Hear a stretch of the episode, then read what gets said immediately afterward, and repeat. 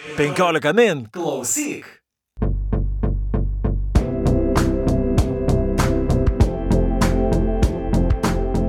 Labadiena, gerbimieji 15 min skaitytojai ir klausytojai ir su jumis sveikinasi e, laida tinklalaidė e, perskaitimai ir kaip visuomet mes esame jos šeimininkai, aš Audris Ožalas.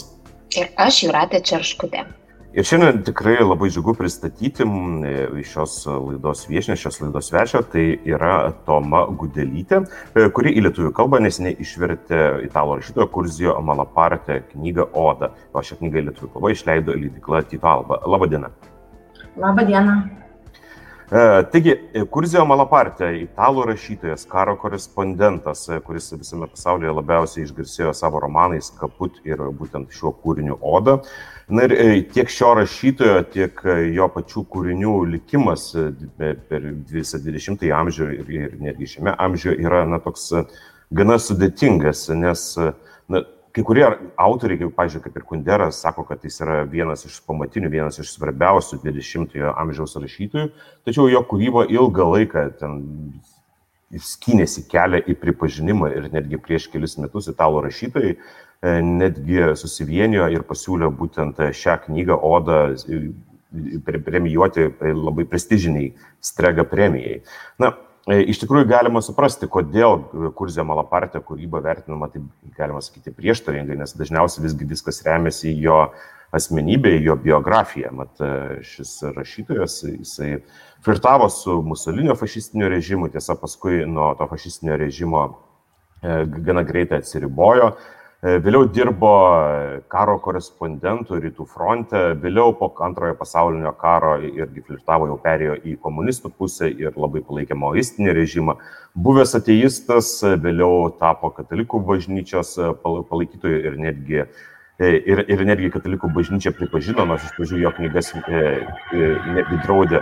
Žodžiu, e, rašytojas, kuris, na, vertinamas, kaip jau sakau, galbūt ir prieštaringai, tačiau bent jau mano įsitikinimu šio rašytojo gyvenimas, šio rašytojo kūryba tarsi ir įkūnija visą 20-ojo amžiaus žmogaus būseną, tas prieštaras, tą idealizmą, tą bandymą surasti, kas visgi labiausiai tinka 20-ame amžiuje ir kaip galima na, gyventi su tomis ideologijomis. Ir e, tas pats kūrinys Oda, apie kurį mes šiandien pakalbėsime, mano nuomonė, jis yra vienas iš tokių paveikiausių, vienas iš stipriausių kūrinių, kalbant apie karą ir apie jo pasiekmes e, žmogui, nes jame pasakojama apie antrojo pasaulinio karo pabaigą į Neapolį įžengiant sąjungininkams ir miestas išvaduojamas, tačiau e, skaitytojas mato, kad e, jis yra išvaduojamas nuo ko ir kas ateina kartu su laisvė, nes amerikiečių triumfas eina kartu su nepoliečių pažeminimu ir moteris prasidavinėja, pardavinėja savo vaikus, mieste vyksta moralinis nuosmukis.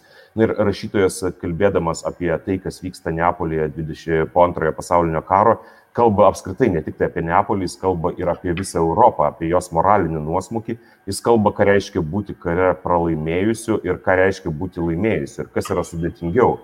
E, žodžiu, daugybė temų yra paliečiama šioje knygoje ir mes apie jas bent jau, bent jau prie kai kurių stengsime prisiliesti šiame pokalbėje. Tačiau pirmas klausimas visgi mano būtų toksai. E, Kaip Jūs atradote Malapartę e, ir, ir, ir kaip, kaip, kaip ši knyga atėjo į pas Lietuvos skaitytojus, nes na, mes žinome, kad e, jau senų senovėje buvo išleistas e, jo kitas kūrinys Kaput, kurį išvertė lietuvių kalba Tomas Venslovė, kuris beje labai smagu, kad bus perleistas vėl lietuvių kalba, tačiau Oda, na, Odos mes ne, negalėjome pažinti. Ir ar tai buvo Jūsų pastangomis šis kūrinys atkeliavo pas Lietuvos skaitytojus, ar visgi, na, gavote pasiūlymą ir kaip susipažinote su šiuo rašytoju? Mhm.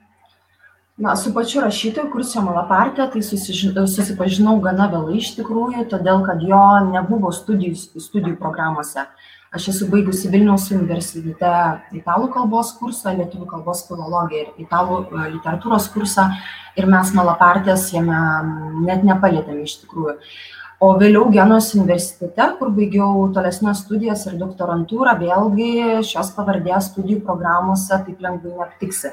Nors gana nuosekliai esu studijavusi italų literatūrą nuo senosios iki šių dienų iki naujausios literatūros. Taip kad tas rašytojas jis atkeliavo iš tikrųjų labai labai vėlai. E, atkeliavo gana tokiais aplinkkeliais sakykim rašiau visiškai kitą darbą apie Musolinio ir Gabrielė Danuncijo susirašinėjimą ir tas vardas kažkur paraštėse figuruodavo.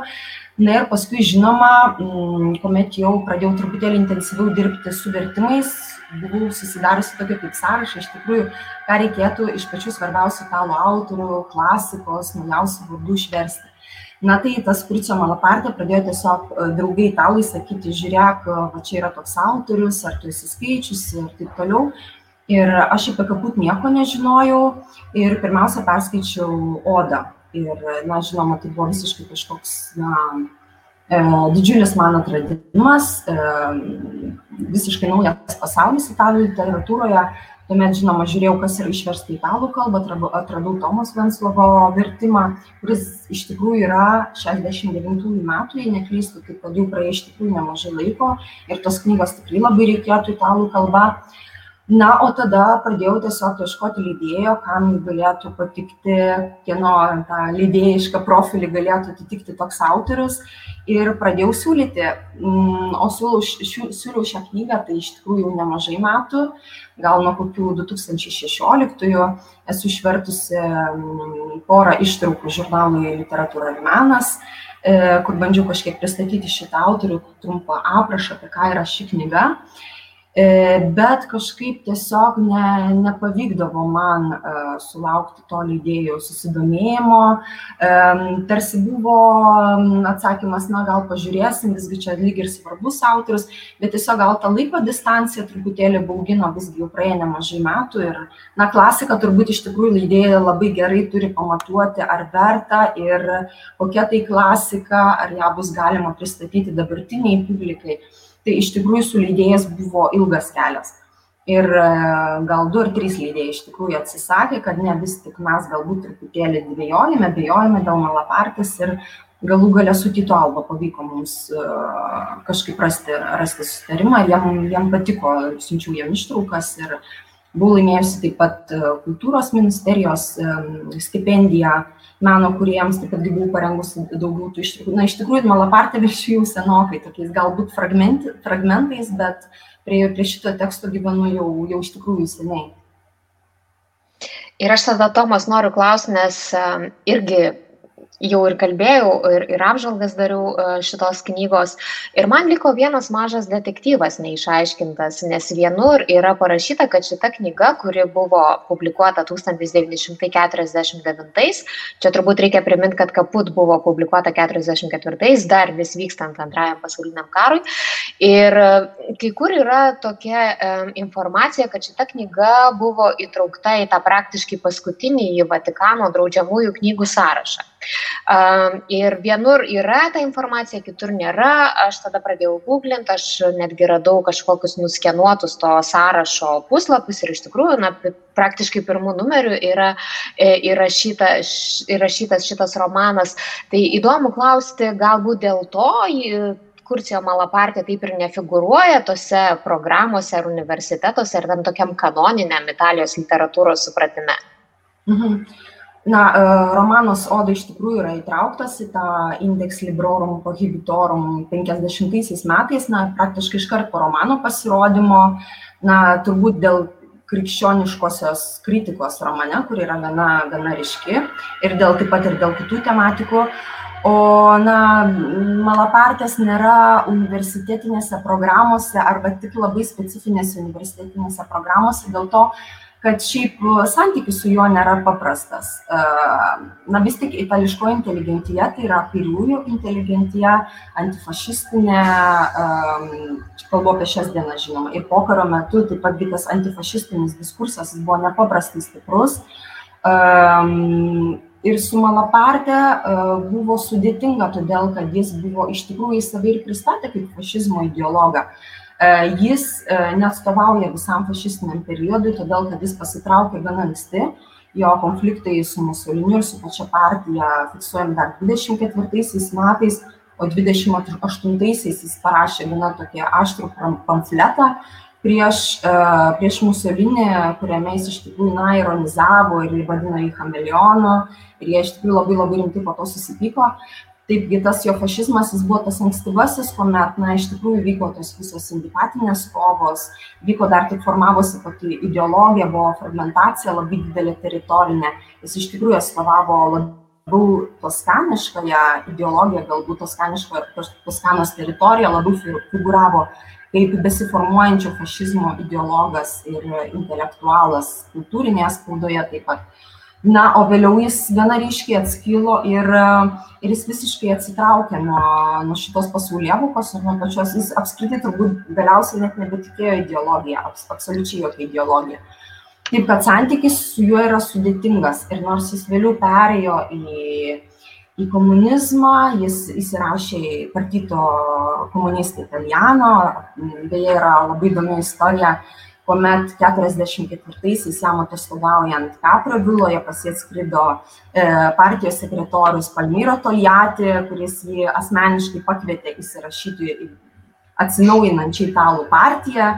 E, bet malaparti jam labai atvirai tada pasakė žinokit aš jau praktiškai na niekuo nebetikiu aš apskritai to totalitarizmu netikiu.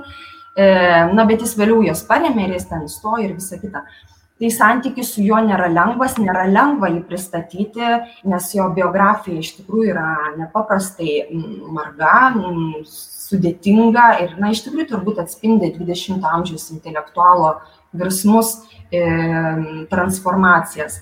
Ir tiesiog nėra kaip jo kur jį kokią nišą jį įkišti nes jis nėra nei tikras antifašistas nei tikras fašistas o ta ideologinė takoskyra na italijoj vis dar išlieka gana tokia ryški tiek ir um, kalbant apie kultūrinį lauką tai toks jausmas kad jisai nėra savas nei kairiesiems nei dešiniesiems ir visi ne. laiko kaip ir išdaviku ir faktiškai jis yra niekur. O kalbant apie šitą romaną, na vis tiek ne vienoje apžvalgoje aš esu skaitęs, kad jis apibūdinamas kaip rašyti politinį romaną. Ir jeigu jis vertinamas per tą politinio romano prizmę, na tai turbūt yra sudėtinga sudėtinga įvertinti bet kokios ideologijai, bet kokiai ideologijai e, atstovaujančiam žmogui. Audrius paminėjo žodį romanas ir irgi aš to nu, noriu Tomos klausti, nes man turbūt vienas irgi įdomesnių dalykų, be to viso teminio sluoksnio tinklo, kuris yra audžiamas šitoje knygoje, e, tai vis tik žanro klausimas. Ar tai yra autobiografija, ar Malapartė rašo iš tikrųjų autofikciją, ar ne, ir netgi yra žavingas epizodas, kad pačioje knygoje pacituosiu, neturi jokios reikšmės, ar tai, ką Malapartė pasakoja, yra tiesa ar prasimanimas, nukirto Džekas. Dėrėtų kelti kitokį klausimą, ar tai, ką jis daro, yra menas. Citatos pabaiga. Tai irgi labai įdomus tas, aš esu netradus tokį terminą, kad tai yra ant, šitas nepatikimas reportažas iš karo lauko. Iš tikrųjų, kaip italai, na tie, kurie skaito Malapartę, kaip, kaip, kaip yra žanriškai, į kurią lentynėlę yra dedamas šita knyga na tai yra ir grožinė literatūra tai yra ir reportažas tai yra ir na turbūt daugelis dalykų miksas savotiškas miksas kuris tikrai truputėlį ir unikalus yra. Nors kita vertus e, pokario autoriai jie turbūt ir bandė to žanro rėmus truputėlį plėsti kad tai nebūtų vien tik grožinė literatūra bet kad tai būtų kažkokia tai platesnė refleksija labai susieta su to meto realijomis tai pavyzdžiui ir čezare pavezė knygose taip pat truputėlį slystama tais žanro rėmais ir nėra tokių labai labai griežtų apibrėžimų na patys italai visgi jį galbūt klasifikuoja į literatūros šitą nišą. Ir na kaip žurnalistai taip pat vertina labai atsargiai vėlgi dėl tos pačios priežasties nes e, tarpukariu jis gana aktyviai reiškėsi fašistinėje spaudoje. Ir na tai buvo labai labai sulėti du laukai tiek literatūra ką jis kūrė tiek e, tiek jo publicistinė veikla.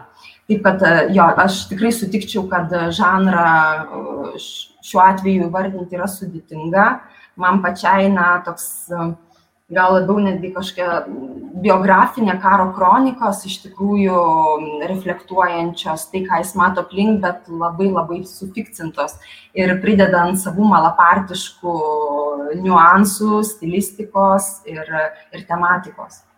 Bet visgi, kaip bežiūrėtume, kaip Jūratė ir paminėjai, kad tas reportažo žanras visgi čia išlieka ir, ir, ir, ir bent jau man atrodo, kad ir skaitant tą patį Kapučinskį ar, ar, ar kitus po to vėliau jau po antrojo pasaulinio karo išvysiusius šį žanrą kūrinius labai akivaizdi malapartės įtaka, nes e, būtent tas pasakojimo būdas, nes kiek yra tikroviška, kiek netikroviška, čia yra vienas dalykas, tačiau visa tai, kaip malapartė perteikė tai, ką jis mato, tai yra iš tikrųjų labai spūdinga ir iš tikrųjų tai padarė įtaką reportažo žanro vystimuisi.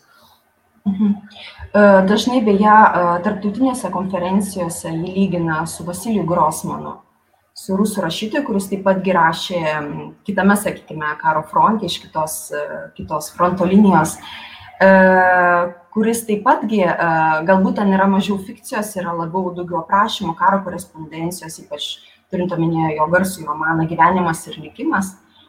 Tai Malapartė gal visgi daugiau, visgi daugiau įveda savęs į tekstą. Mes Malapartės matome tikrai labai labai daug matome ir tą dendišką laikyseną ir matome jo tam tikrą cinizmą e, žmonijos atžvilgių, nuopolio, karo kronikų, karo apokalipsės atveju. E, galbūt Grosmanas lieka truputėlį labiau dokumentikos lygmenyje. Bet šie du autoriai iš tikrųjų yra nemažai lyginami, taip pat jeigu kalbėtume apie lyginimus, jis nemenkai lyginamas ir su Selinu, kelionė į nakties pabaigą, berots pavadinimas, jei neklystu lietuviškai. Pakraštis. Mhm, atsiprašau. Ir, na tai iš, iš tikrųjų yra panašaus tipo literatūra, kurioje mes labai stipriai jaučiame autorių pasakotoje personažą, kuris nori pasirodyti, kuriam svarbu figuruoti, bet tuo pačiu jam labai svarbu ir fiksuoti tai, kas, kas dedasi aplink, nes jis tikrai yra patekęs į neeilinę, neeilinę įvykių sceną. Bet beje, paminėjote Selinę, man iš tikrųjų norėjau, jau kitas, kitas klausimas turėjo, nu, nu, norėjau ir klausyti, kaip klausime apie Selinės įtakas ir panašumus su Selinė ir iš tikrųjų man skaitant šitos kūrinius atrodė, kad na, tai galėtų vos nebūti to paties autoriaus parašyti romanai. Tačiau kitas dalykas, kurį aš norėjau būtent klausti, yra susijęs su tuo, kiek, kiek autoriaus tikrų minčių yra šiame kūrinėje, kiek visa tai yra ne tai, kad žaidimas galima sakyti, bet galbūt kiek yra ironijos ir kiek mes galime tai matyti kaip autoriaus na, bandymo ironizuoti, o kiek jo paties pasaulyje važiuoja. Nes tarkime, na, mes e, skaitome irgi tuos pačius e, pagarsėjusius e, skyrius apie homoseksualus. Na ir turbūt mums ne vienam iškyla klausimas, kiek čia yra paties Malapartė supratimo ir įsivaizdavimo, kaip, kaip jie, kaip, kokie jie yra ir, ir, ir kaip jie elgesi, o kiek čia yra na, bandymas atvaizduoti stereotipus tuo metu vyravusius visuomenėje. Tai čia, man atrodo, irgi tokia slidi riba, kurioje mes kiekvienas irgi galime savo patys tik užduoti klausimus. Taip, iš tikrųjų, tas skyrius apie homoseksualų sambūrį yra labai e, dviprasmiškas. Iš tikrųjų, aš ne iš karto supratau, kiek rimtai jis kalba, kiek čia yra kažkokio tai parafrazavimo, ironizavimo, apie ką šitas skyrius iš tikrųjų yra. Ir tikrai jau skaityti kritikos, kad suprasčiau, ką, ką Malapartė nori mums pasakyti. Bet esmė, manyčiau, visgi yra tame, kad tame skyriuje persipina keletas dalykų.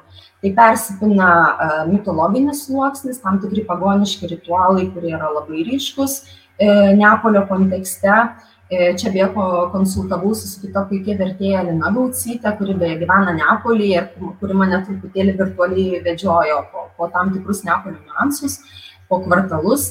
Ir, mm, na, tai yra tas pagoniškasis ritualas vadinamoji filiata, kur atkartojamas yra gimdymo aktas. Ir jis nepaprastai svarbus yra e, vietiniams žmonėms, kurie žiūri netgi tuos e, transvestistus, homoseksualus kaip į tam tikrą šventumo išraišką. Pavyzdžiui, yra netgi vyksta transvestitų šventoji procesija, tam, tam tikrą kalną, kur garbinama mergelė Marija. Na tai yra visa, visa tai labai labai senų ritualų, kurių galbūt mes net nepajėgtume atsekti pačių, pačio, pačių pradžios ir, ir visų e, atspalvių šito ritualo dalis. Ir Malapartė bando, bando tai e, taip pat įkelia tai savo romaną, tai yra nepaprastai ryšku. O kita vertus, e, skaitant Malapartės vieno kritiko biografiją apie Malapartę, iškilo, iškilo šis niuansas, kad Malapartė buvo labai svarbus tas vyriškumo mitas. Kad e, būtina svarbu rengtis atitinkamai, e, atitinkama laikysena nepaprastai svarbu, ypač tų metų kontekste, pirmojo pokario kontekste, po pirmo pasaulinio karo, e, vyriškumo kultas, tai buvo raumeningas kūnas, E, estetinė, estetinė visa laikysena ir taip toliau. Taigi, tai romane vėlgi persisunkia, kad reikia atrodyti tam tikrų būdų ir tas visas e, nu, moteriškėjusių vyrų atmetimas kaip toks. Taigi, čia persipina iš tikrųjų nemažai dalykų ir, na, Malapartijos toks yra, jis ir neapsimetinėja, kad jis yra kažkokių ten atvirų labai pažiūrų, e, na, jis iš tikrųjų yra savo laikmečio vaikas. Jis apie tai ir kalba, kad visi mes esame savo laikmečio iš tikrųjų produktai, mus formuoja mūsų e, istorija, kontekstas, kuriame mes atsidūrėme. Jo kontekstas buvo vyriškumo kultas, kuris be abejo paskui su fašizmu buvo labai stiprinamas, propaguojamas per atletiką, per sveiką gyvenseną ir taip toliau. Ir tas romane tikrai, tikrai yra ir, na, galbūt čia minusas uh, autoriui, bet, na, manau, kad tai yra ir tuo pačiu ir autentika tam tikra autoriaus.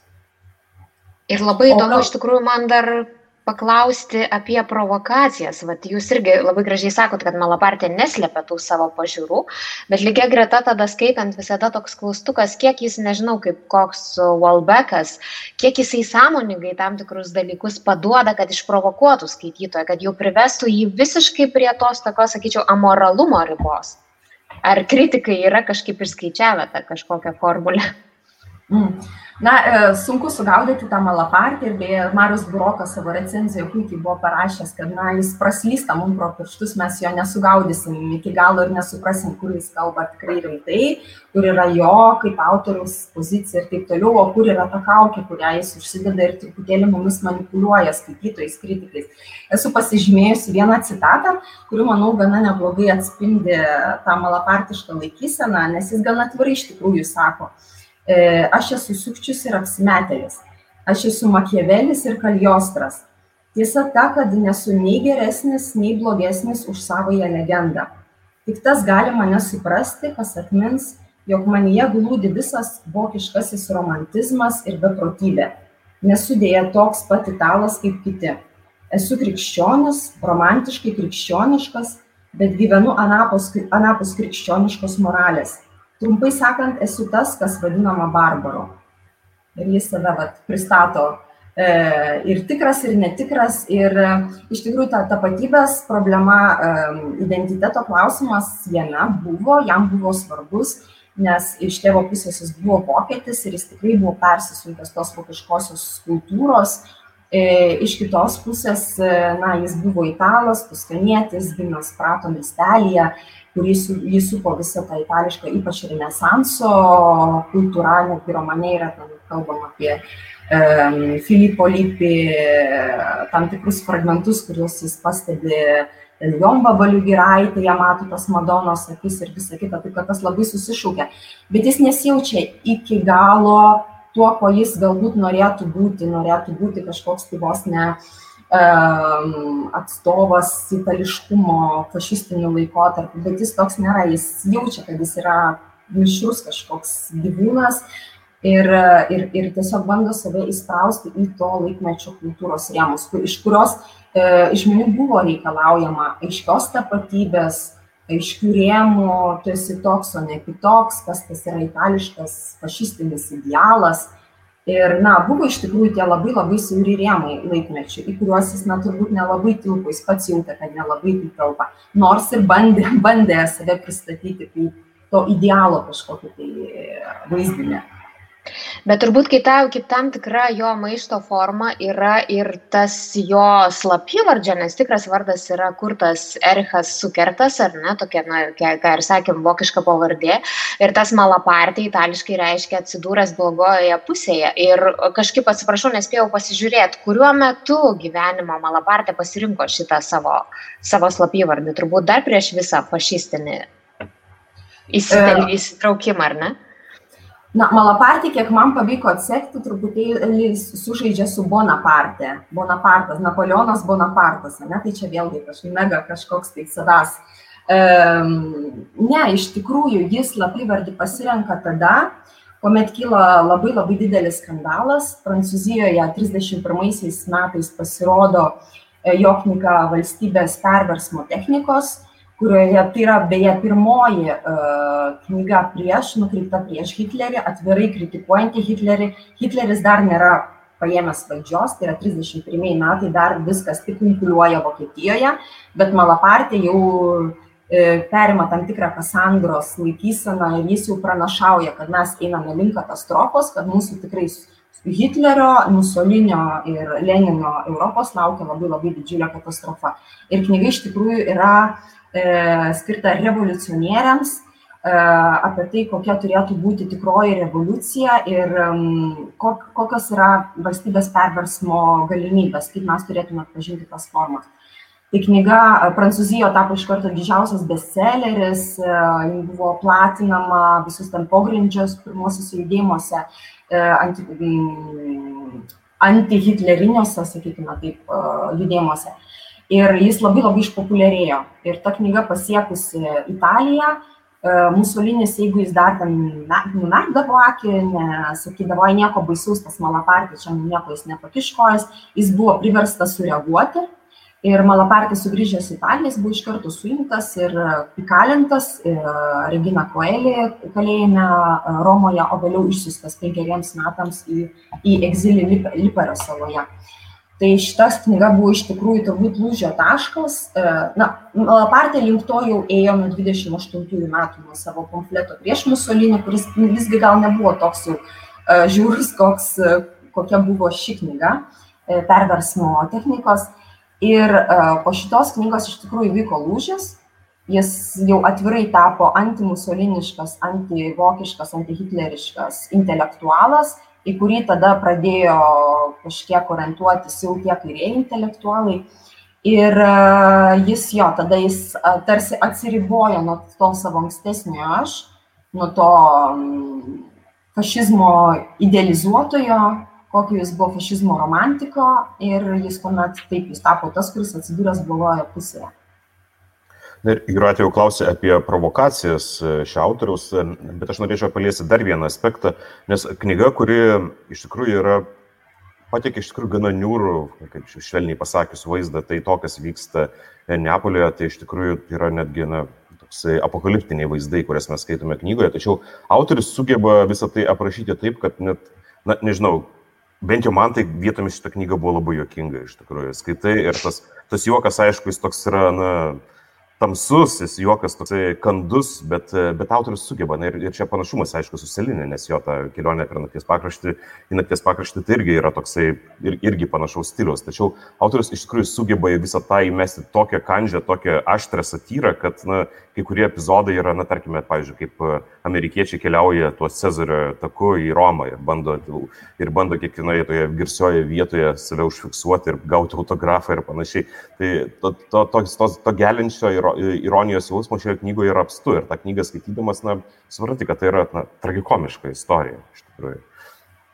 Tikrai taip, ir netgi knygoje yra vienas skyrius apie juoką kaip juokiasi skirtingos tautos. Amerikiečiai juokiasi taip britai juokiasi vėl turi savo humoro kitokią visai formą. Vokiečiai apskritai nemoka juoktis ir jie juokiasi tiktai reaguodami į kitų juoką. Na ir jis ten labai labai šaržuoja žinome tame skyriuje bet e, tas juoko elementas jis yra nepaprastai nepaprastai svarbus. Ir pats malapartė yra sakęs kad aš visada sakau rimtus dalykus juokdamasis. Ir kuo rimtesni ir baisesni tie dalykai tuo labiau man norisi pokštauti. Tai gal čia netokia yra instinktyvi truputėlį reakcija, kai mes tikrai susidurime su kažkokiu saugu, protų nesuvokiamais dalykais, į kuriuos, na, iš tikrųjų netgi emociškai yra labai sudėtinga reaguoti. Na, tikrai kažkoks yra tas isterinis juokas, e, isterinė reakcija truputėlį, ne, kuri mus verčiasi šipsotis, bet ta šipsena yra kažkokia labai makabriška. Ir tas juokas jo tikrai jis yra labai makabriškas bet knygoje yra labai stiprių juoko epizodų ir man e, audriaus paminėta kelionė apijos, apijaus keliu į Romą, tai yra vienas stipriausių romano momentų, kuomet mes matome ne sąjungininkų kareivius, mes matome šiuolaikinius turistus. Kurie puola nuo tankų e, su fotoaparatais, apsupę įvairias, įvairias kapavietės, įvairias statulas, ropščiasi ant jų, fotografuoja, palieka savo autografą. Na tai iš tikrųjų yra kažkokia absoliučiai paradoksali scena, visiškai nesuderinama su karo kasdienybė, kur šalia vyksta susišaudimai, ten jau partizanai veja iš, iš, iš sostinės paskutinius e, vokiečių kareivius, girdisi šūviai, o tie sąjungininkai, va, e, Musolinis wife, bėgam nusifotografuosim su Musolinio žmona, ten vyksta kažkokie nesusipratimai, jie nesupranta, kad tai yra antikos kapavietės, kad tai kalbame apie silos, apie, tai yra apie sulos, apie dar kitų ten karvedžių antkapius ir jiems tai visa tai yra modernybė, jie apskritai nesuvokia to laiko distancijos, kad tai yra antikos pasaulis, kad jie yra patekę į visiškai kitą, kit, kitą laiką.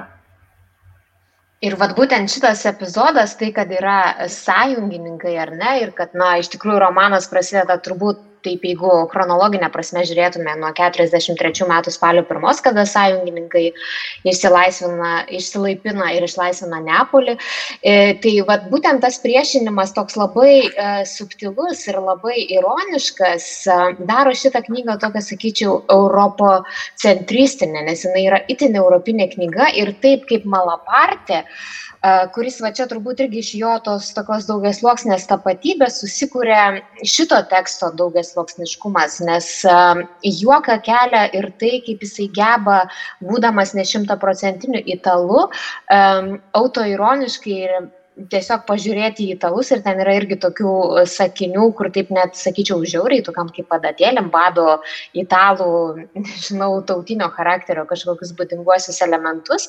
Ir tada lygia greta jisai taip irgi labai subtiliai, iš tikrųjų neužaštrindamas, parodo tą amerikiečių neišmanimą, nu kad ir šita scena, jisai kaip ir nieko neteisė ir per daug nekomentuoja, jis tiesiog kaip kokią kino kamerą rodo, kaip tie kareiviai važiuoja tuo keliu ir puolantų antikinių skulptūrų ir antkapių ir tai, kad nuskamba toks vienas sakinys, kur yra turbūt pamatinis knygos, kad Europa yra mirusiųjų kraštas ir kad na, iš tikrųjų mes turim tą antiką ir pas mus viskas klojasi palimpsestiškai, ar ne, antkapis ant antkapio sluoksnuojasi šitie dalykai. Ir va šitas europocentriškumas turbūt irgi viena iš svarbiausių būtų šitos knygos temų. Ir, bet vėlgi jisai tą europietiškumą mato irgi, man atrodo, išsluoksnuodamas Tai, kas buvo Europa 20-ojo amžiaus pirmoji pusė ir dar čia reikia turėti minti, kad Malapartė dalyvavo abiejose pasauliniuose karuose ir ten yra toks epizodas su mirštančiu kareiviu, kur jauniems amerikiečių kariams jisai kaip jau patyrė, sako, aš ne pirmą kartą matau čia ligoninė šitam žmogui nepadės. Tai kaip Toma jums atrodo verčiant, koks yra tas malapartės europietiškumas ir kokia yra Europos samprata? Taip, jisai pristato save iš tikrųjų kaip, na, jis kalba iš tikrųjų apie tarsi civilizacijų kažkokį tai susidūrimą, nes amerikiečiai atplaukė kažkokie yra tarsi naivus jaunuoliai, kurie apskritai net nežino, kur jie papuolė, į ką jie papuolė, jie nesuvokia visos tos didybės, e, jie įsikūrė Testumo mieste savo bazę štabą, bet jie nesuvokia, kad jie yra vienoje seniausių Europos šventyklų ir kad tai yra tokie laiko persidengimai, kad tos vietovės, po kurias jie lankosi, jos yra tiek prisoderintos istorijos, kad, na, jam tai atrodo vos ne savotiška šventvagystė. E, Neapolio miestas vėlgi yra nepaprastai emblematiškas. E, Neapolis buvo pasirinktas, žinoma, dėl savo strateginės vietos, tai ir, ir uostas, ir prieiga kariniai baziai. E, tai buvo vienas labiausiai Italijoje bombarduotų miestų. E, ko gero jis to taip pat net leidžia sąjungininkams, nes iš tikrųjų sąjungininkų bombardavimai Italijoje tai buvo neįtikėtini, Romoje sugriūti ištisi kvartalai, Neapolije sugriūti ištisi kvartalai. O po karo visą tai buvo tarsi pamiršta, nes mes prisimename iš tikrųjų ką, ką, ką padarė vokiečiai, ta prasme, sprūginimai, turiuomenė ne vien tik masinius naikinimus, bet ir tai, kas buvo padaryta kultūriniam paveldui, bet mes nekalbame apie tai, ką patyrė kultūrinis paveldas sąjungininkams kylant pusęsalių ir vejant, greunant šitą, laužant vokiečių liniją, tą vadinamą gotikinę liniją. Tai ko gero Malapartė stebėdamas visą šitą karo eigą, išlaisvinimo eigą, o išlaisvinimas juk ir turėtų būti viskas, karo pabaiga, dabar gyvensime taikiai, viskas pasibaigė, problemos tarsi išspręstos, vokiečiai pagaliau išvalyti, bet taip toli gražu nėra. Karas toliau tęsiasi, smurtas toliau tęsiasi, griovimai, žudynės, prievartavimai, visa tai kažkaip nesibaigia. Jis visą tai stebi ir jam darosi baisu. Tarsi karas būtų kažkokia tiesiog, na, jau nuolatinė būsena, iš kurios Europa, ko gero, labai labai ilgai dar neišbris. Tai manyčiau, kad yra šita jausena, karo užsibuvimo, karo nebaigties jausena, kad karas iš tikrųjų palieka labai labai ilgą ir gilų šleifą O kitas yra, ko gero, na, kaip ir uh, iš tikrųjų akcentavau ir kitame mūsų interviu, uh, tai yra rasist, rasės uh, samprata, rasistinio, rasistinio konflikto. Tiek vienų atžvilgių, tiek kitų, tiek sąjungininkai turi tam tikrų rasistinių nuostatų europiečių, tai yra konkrečiai neapoliečių atžvilgių, tiek neapoliečiai žvelgia į tuos sąjungininkus kaip tikrai šių dienų naujus barbarus, kurie atvykę jų užkariauti. E, ta rasistinė tematika, jinai be abejo yra nepaprastai svarbi. Tame kontekste ji buvo nepaprastai svarbi, prisiminkime, kad Italija įvedė rasinius įstatymus 38 metais Beje, įdomus faktas, kad Malapartijos oponentai taip pat bandė sužaisti šią kortą ir ieškojo žydiškų Malapartijos šaknų. Dar 36 metais jam būnant tremtyje buvo pradėtas toks pseudo procesas, kad vat Malapartija yra žydas, tai štai kodėl jisai pradėjo kritikuoti Musolinį, o 38 metais visą tą retoriką dar na, nepaprastai išsipūtė ir sustiprėjo. Tai šis elementas yra nepaprastai svarbus, jis nepaprastai taip pat svarbus yra kalbant apie amerikiečių armiją, nes amerikiečių armija visgi ten buvo tam tikra segregacija, buvo baltieji, juodieji ir, na, romane ta tema jinai sugrįžta begalę kartų. Ir, na, ir mes sąmoningai, sąmoningai palikau ir žodį negras, ir, na, to labai reikėjo mano knygai, nes dailinti nėra ką ir, na, turi būti ta kalba, kuri ir buvo iš tikrųjų. Tas kontekstas, jis turi pulsuoti knygoje. Ir e, yra tas, pavyzdžiui, irgi pabrėžia tokius dalykus, kad e, gyvas negras yra brangesnis už gyvą italą ir panašiai. Tiesiog yra tas ta atskirtis tokia, aišku, labai jau, e, labai jau taip aštriai, tačiau visgi, man atrodo, atspindi tai, kas vyko tuo metu visuomenėje. Na ir mes kalbant apie amerikiečius, man dar paliko įspūdį tas, kad amerikiečiai atvykę į Europą jie net nesistengia pažinti nei kultūros, nei kažkokių kitokių niuansų, nes jie, jie netgi ir, ir vertina Europą visą laiką, kad tai yra šalis. Europa yra šalis, tai nėra italai, tai nėra vokiečiai, dar kažkas. Tai tiesiog yra kažkoks didelis kontinentas, kaip vientisas kažkoks monolitas šalis. Na ir dar kitas dalykas, kad e, tie patys amerikiečiai, kaip jūs minėjote, kad karas kaip ir turėjo baigtis, tačiau e, sąjungininkai atsikėlė, jie tarsi neša užkratą neša naują užkratą, kuris e, pasibaigus karui na, į, į, įmeta tą, tą pačią visuomenę į visai kitus, e, į, į, į kitus dalykus. Aš dabar pasituosiu irgi apie e, vieną citatą, paimsim. Vis dėlto viskas, prie ko šie šaunieji kariai prisiliesdavo, kaip mat sugesdavo. Vos paspaudė išvaduotojams ranką, nelaimingi išlaisvintų kraštų gyventojai tuo imdavo pūti ir dvokti. Užtekdavo sąjungininkų kariui kištelėti galvą pro džipo langą ir nusišypsoti moteriai, gal dar paglosyti ją į skruostą ir toji moteris likto ori ir tyra virsdavo prostitute. Pakakdavo vaikų įsimesti burnon amerikiečių kario daunotą saldainį ir nekalta siela akimirksniu susitepdavo. Taigi čia rodome, kad irgi tą marą skleidžia patys sąjungininkai. Na ir daž... kaip, kaip, rodo pats autorius, na, nebūtinai iš piktos valios, labai dažnai yra tas jų uh, optimizmas, e, naivumas ir nesuvokimas, kur jie pateko. Tačiau kita vertus autoris kelia klausimą, kodėl jie neprisėmė atsakomybės už tai, kas vyksta. Kodėl jie neraudonuoja matydami tai, kas vyksta, nes jiegi mato, kas vyksta Neapoliuje. Tačiau ir, ir pabrėžia dar tą vaizdą, kad e, dar viena, tai, tai pabrėžia viename epizode, kuriame e, irgi kalbama apie tai, kad, na, tarkime, atsiduoti, parsiduoti amerikiečiams tai yra viena, o parsiduoti vokiečiams yra kas kita, nes amerikiečiai yra šaunus kareiviai ir visa kita, o vokiečiai yra barbarai. Taigi moteris parsiduojantį vokiečiams tai yra, daro niekšingą elgesį, o parsiduodama amerikiečiams, na, viskas kaip ir tvarkoje. Nors pats Malapartė savo, kad na, tai yra ta pati moralinė kategorija, tai niekas neturėtų skirtis. Taip ir iš tikrųjų šią prasme Kurcio Malapartė romanas susišaukia, nežinau, ar esate matę Roberto Roselinio filmą Paizak 46 metų filmas, kuris kalba taip pat apie karo baigti. Na, baigėsi karas, bet tarsi dar nesibaigė, viskas tęsiasi, kai vyksta susidorojimai, e, partizanai medžioja vokiečius, vokiečiai medžioja partizanus, dar ta karo suirutė, neaišku, kaip viskas baigsis. Ir vienas iš filmo epizodų yra būtent uh, apie Neapolį ir apie juodaodį amerikiečių karį, kurį uh, neapoliečiai vaikai bando visai apsukti, bando iš jo išpešti naudą, vedžioja po smuklės, po viešnamius. Ir iš tikrųjų per šitą epizodą Roselinė parodo visą karo tragizmą, ta prasme, tai žmonių, kurie nebeturi visiškai nieko, nes jų namai yra sugriauti, uh, jie maisto nėra, vandens tiekimas nutrauktas dėl bombardavimų, jie gyvena visiškose grįvėsiuose, vaikai laksto pasi ir tie žmonės turi išgyventi, jie bando išgyventi ir jų iš tikrųjų amerikiečių armija na, yra, tampa jų pragyvenimo šaltinis. Ir, na, tiesiog gaunasi tas toks dvilypis ryšys iš tikrųjų iš vienos pusės sąjungininkai, e, kurie atvyko kaip užkariautojai, kurie čia bando kažkokią naują civilizaciją atnešti, e, nukariautai e, Europai.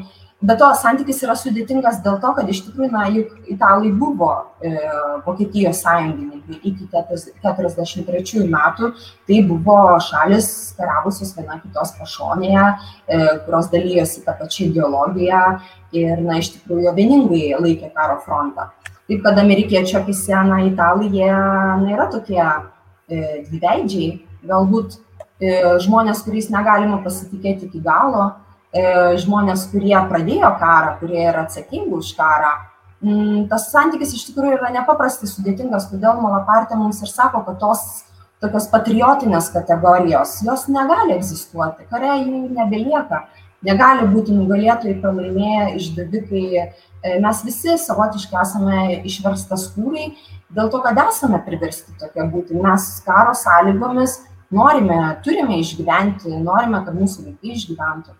Taip kad, e, o visos tos vėlesnės e, patriotinės e, retorikos, visos tos kategorijos, kurios iš tikrųjų Italijoje po antro pasaulinio karo jos labai stipriai įsigalėjo, na, jos iš tikrųjų malapartijomis netiki ir jis jas paprasčiausiai atmeta. Aš noriu užvesti, kad... Aš tik tai vieną citatą norėjau, norėjau vieną citatą irgi apie tuos amerikiečius, apie tai e, e, sąjungininkus, kurie ats, ats, išsilaipina Italijoje ir galvoja, kad jie pakliuvo e, kažkokia tai gražiame, šviesiame krašte ir čia jų laukia nusivylimas. Tai vėl Malpartė parodo ir tai, čia viena citata. Jis vylėsi išsilaipinęs krantuose pasaulio, kuriame dominuoja protas ir žmogiškas samoningumas, atsidūrė paslaptingame krašte, kurio žmonės ir jų gyvenimus kontroliuoja visai ne protas ir nesažinė, bet tamsios požemė jėgos. Tai vėlgi rodo tą susidūrimą sąjungininkų ir e, sąjungininkų vaizduotę, sąjungų iliuzijų, kurie, kurie atvyksta ir tikrovės. Tai pamato, kad na, visų pirma niekas jų nelaukia taip, kaip jie čia įsivaizdavo, kad jų lauks, o antra, kad yra kraštas, kurio jie nepažįsta ir galbūt nėra pažinus, nėra sugebantis pažinti. E, ir čia turbūt dar reikia atskirai pašnekėti apie šitą tamsią pagonybę ir Neapolį, kur Neapolis iš vis, sakoma, iškrenta iš viso Italijos konteksto, tarsi kaip visiškai atskira respublika. Ir šiaip pasakysiu tokį labai įdomų dalyką, kad perskaičius Malapartės knygą, man kažkaip naujai uh, paaiškėjo Elenos Ferrantės teatrologijos visa genezė, iš kur atsirata, visa kas yra tas skurdo kvartalas Neapolį, kodėl jis yra toks, o ne kitoks, kodėl žmonės yra a, tokie, o ne kitokie. Ir aišku, turbūt, na tikrai malapartė literatūriškai visą šitą karo metaforų vaizdinyje, tą apokalipsę, ar ne, nes romano pantraštė yra mažoji Neapolio apokalipsė, jisai įpina tą tikrą, tikrai 44 2004 metų pavasarį buvusi Vezuvijaus išsiveržimą, kuris irgi, man atrodo, yra labai kažkaip neapolietiškas, ta prasme, kad Malapartė tiesiog išrašo tą tokį paprastų žmonių pagonišką tikėjimą, ar ne, kad Vezuvijaus išsiveržimas čia Dievas grumoja pirštu ir visi šitie dalykai, bet aš noriu dar vieną temą užvesti, ką ir Malapartė šiek tiek mini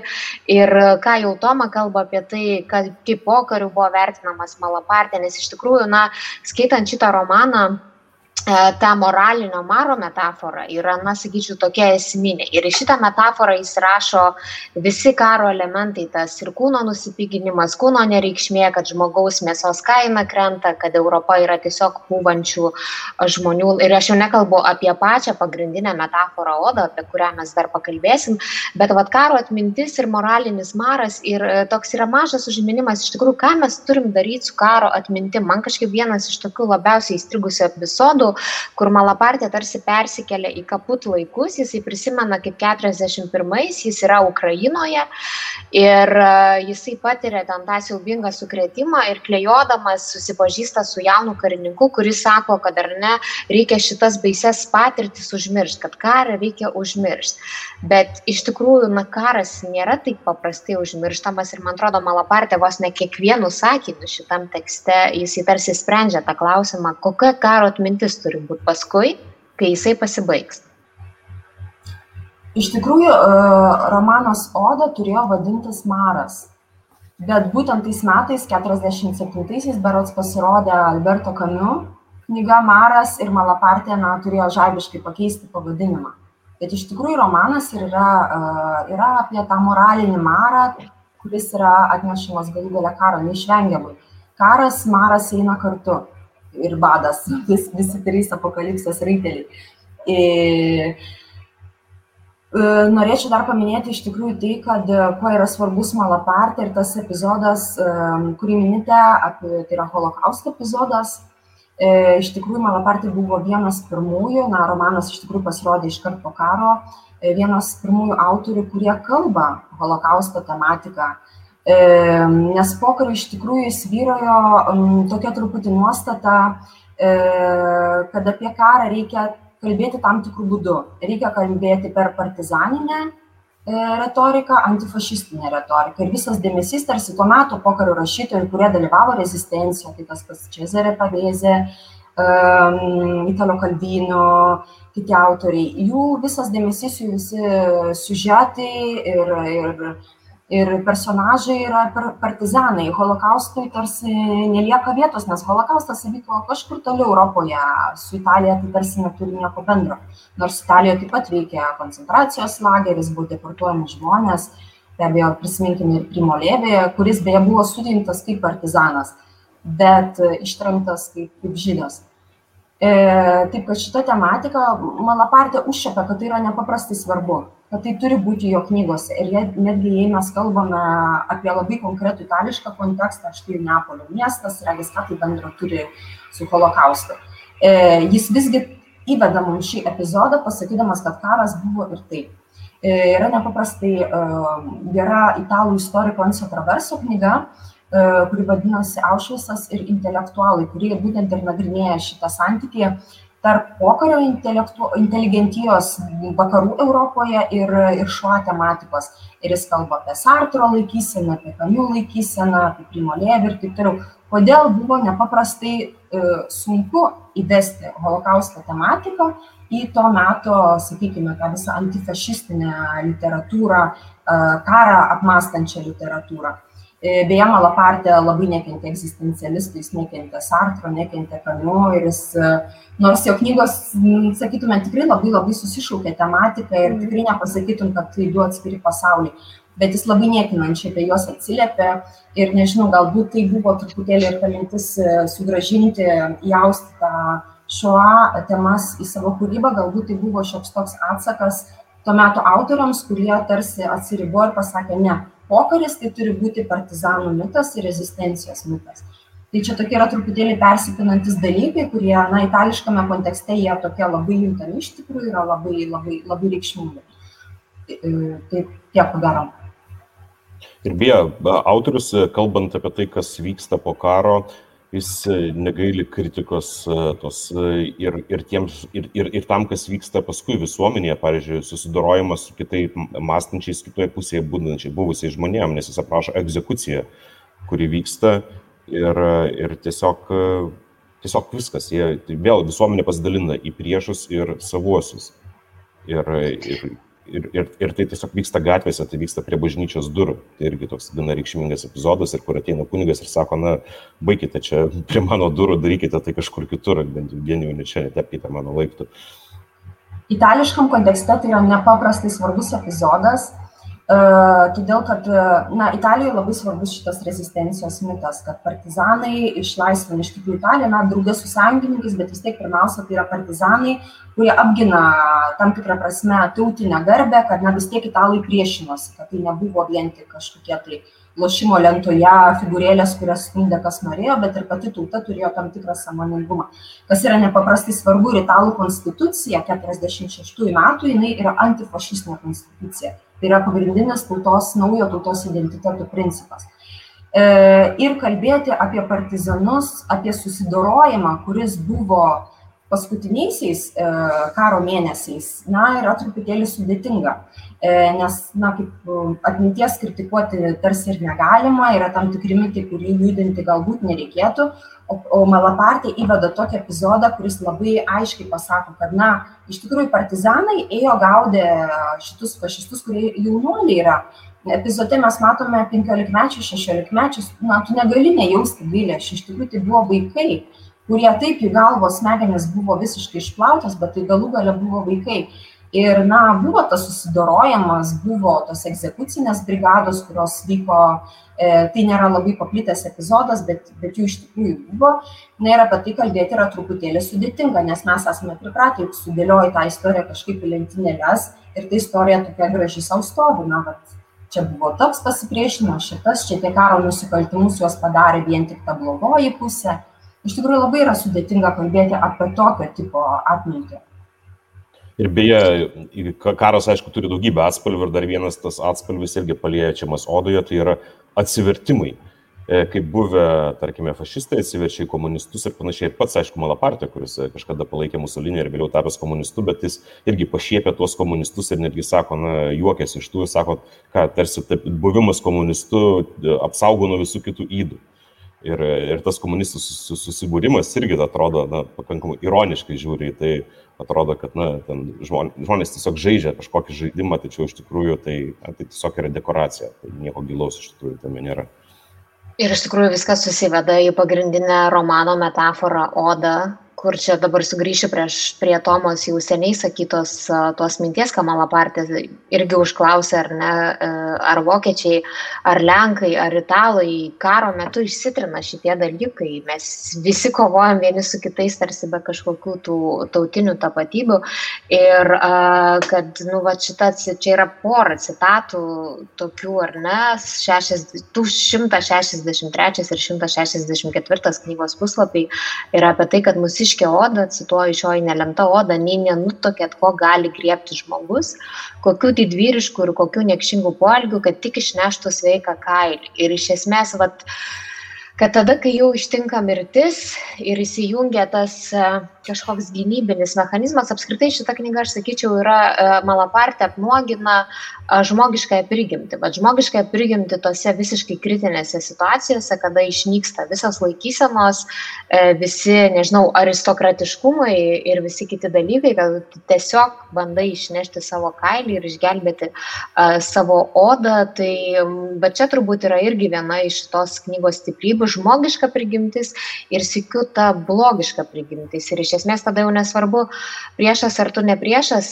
tiesiog šito karo vėliava antro pasaulinio karo jinai buvo padaryta iš žmogaus odos, bet nu ne tik antro pasaulinio karo, turbūt visų karų e, vėliava yra šita. Ir na ta mintis, kad mūsų tikroji tėvynė yra mūsiškė oda, tokia irgi turbūt yra yra pamatinė ir aš noriu dar užkabinti vieną temą, čia gal Toma dar replikuos vėliau į šitą mano tokį pamastymą, bet pačia pradžioje aš taip iškart suklusau būtent dėl to įtraukimo į tų knygų indeksą uždraustų, ar ne, kad neva dėl tos katalikiškumo refleksijos, bet iš tikrųjų romano pabaiga man yra tokia nu, tikrai labai krikščioniška ir aš kartais galvoju, kad na, tik tai tikrai ir giliai tikintis žmogus gali taip iš esmės turbūt užklausti religiją, ką visiškai e, šitos knygos pabaigoje ir daro malapartė. Ir tas toksai klausimas pamatinis, ar ne, kaip būti krikščionių karo metu, jeigu dar apskritai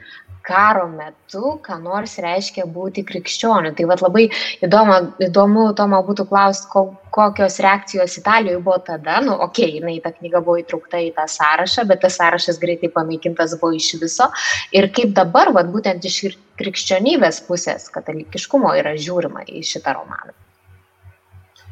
Malapartė e, vienoje romano vietoje ir sako, kad e, Kristus buvo nepolietis ar ten, pavyzdžiui, net keletą kartų pakartoja, kad e, mes turime matyti Kristų kiekviename kūne, kiekviename kritusiame, nes tik tada galima pamatyti kažkokią prasme. Na tai turbūt aš nežinau, kaip, kaip šią krikščionybę jo apibūdinti, tai yra visiškai kažkokia kitokia jo savita, savita forma, jau permašius tai, kas buvo holokaustas, tai, ką jis regėjo rytų fronte, tai, ką jis regėjo vykstant Neapolio mieste ir paskui traukiantis su sąjungininkais vykstant tą, tą liniją. Tai krikščionybė jo tikrai yra, na, labai humanistinė gal tiesiog, sakykime, taip laikysena.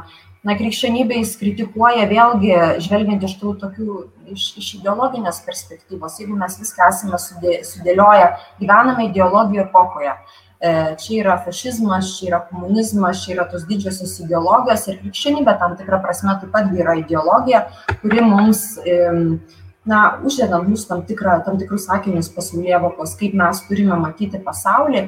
Tai viskas antras pasaulinis karas jis ją skreditavo, jis na, pasakė, kad krikščionybė taip pat nebegali gyventi kaip ta didžioji ideologija ir mes ją nebegalime toliau tikėti taip, kaip kokie jinai buvo iki šiandien tai aš nežinau kiek čia yra kritika bažnyčiai konkrečiai ar gal apskritai tiesiog e, labiau e, mūsų europietiškai, krikščioniškai pasaulėvokai.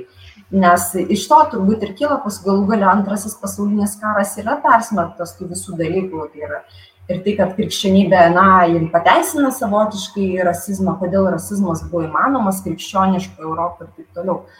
E, knyga jin buvo be abejo labai labai sukritikuota ir ypač sukritikuoti visi šie tie skyriai, kur kalbam apie vat, nepolietį, Kristus yra nepolietis ir taip toliau. Tai tiesiog e, bažnyčia absoliučiai neprimė tokio požiūrio, ką, ką tu to nori pasakyti, ką tai, tai reiškia, to negali būti, tai yra nesuderinama.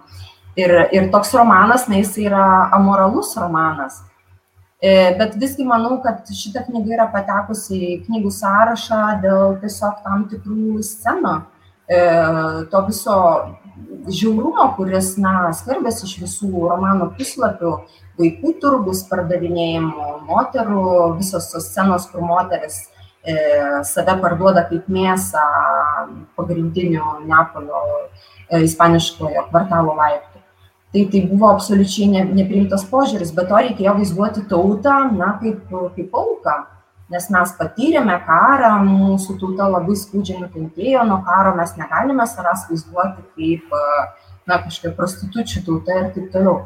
Tai manau, susikirto labai daug šitų dalykų ir, na, romanas iš tikrųjų jisai, beje, įdomus dalykas, kad Malapartė jis nebesugrįžo, parašė šitą romaną, išspausdinęs jis nebesugrįžo į Neapolį nes, sako, mane nulinčiuos Neapolio gatvėse, neapoliečiai. Aš nebegaliu daugiau ten rodytis, nes iš tikrųjų na, atmetimo reakcija jinai buvo labai labai stipri. Kai beje buvo stipri atmetimo reakcija, kuomet pasirodė e, Roberto Saviano knyga apie mafiją Gomorą jis taip pat gi neapolyje tapo praktiškai nepageidaujamu rašytoju nes neapoliečiai savęs šioje knygoje neatpažįsta sako ne ne mes nesame tik mafija mes nesame vien tik gomora mes esame daug daugiau kaip tu drįsti apie mus taip kalbėti. Ir na visas ypač sukilo tas neapolio kvartalas kurį vaizduoja roberto saviano romane. Tai panaši panašiai ko gero atsitiko ir kurcio malapartei į kurį tiesiog buvo, buvo jis priimtas kaip, na, nešvariai, negražiai apie tautos kančias kalbėjęs rašytojas. Ar jis gal parodė tą... Ne Amerikoje gyveno šiuo metu, man atrodo. Roberto Saviano. Taip, man atrodo, Amerika paskui išvažiavo. Taip, tai. Bet aš galvoju, gal kliuvo Malapartijai dėl to, kad iš tikrųjų, na, skaitant šitą knygą, vėlgi čia, ar ne, mes jau kalbėjom apie tą, kiek yra fikcijos, kiek yra čia tikrovės, bet jisai nesaldina ir toks vietomis vis rodo tarsi karo kasdienybę, kaip viskas vyksta diena po dienos ir ta karo, ir jinai visiškai antiherojiška yra. Tai e, čia šitas yra įdomus dalykas, o dar prie religijos, tai pačioje pabaigoje yra skyrius apie Dievo mirtį. Ir nežinau, man čia kažkaip iš karto, aišku, prisimenu prisiminė Nyčia ir, ir jo tas šūkis, kuris, na, tarpu kariu buvo toks irgi labai reikšmingas apie tą mirusį tokį dievą, ar ne, nu, turbūt karo metu tai visi tą juto. Bet, bet vėlgi aš tai nu, ginčičiausi čia tikrai su visais, kurie kažkaip tai prieštarauja Malapartijai, nes vis dėlto jis atleidžia ir tam savo išdavikui ir galiausiai prisipažįsta, kad nepaisant to, kad jau nuo karo, nuo tų mirusiųjų, kur ten jau mirusieji atsibodė, nes jie yra ant kiekvieno kampo, vis tik jis prisipažįsta, kad išbuvo visą karą nenužudęs nei vieno žmogaus, nors taip jisai prisižiūrėjo ten prisižiūrėjo ne, ne tai, kad kaip žmonės miršta, bet kaip žmonės yra žudomi. Ir aišku, jeigu ta knyga pasirodo 49-ais, tai galėjo būti atmetimo reakcija vien dėl to, kad jau nu, visiems tas karas tikrai buvo ganėtinai atsibodęs, bet va štai dabar kada gauni tokį tekstą visų tų rekonstrukcinių istorinių romanų apie antrą pasaulinį karą sraute, tai šitas tekstas jis nežinau, man tai jis net, taip jis yra moralus, bet sikiu jisai ir rodo tą karo kasdienybės moralybę, kokie jinai galėjo ar negalėjo būti. Tai kažkaip,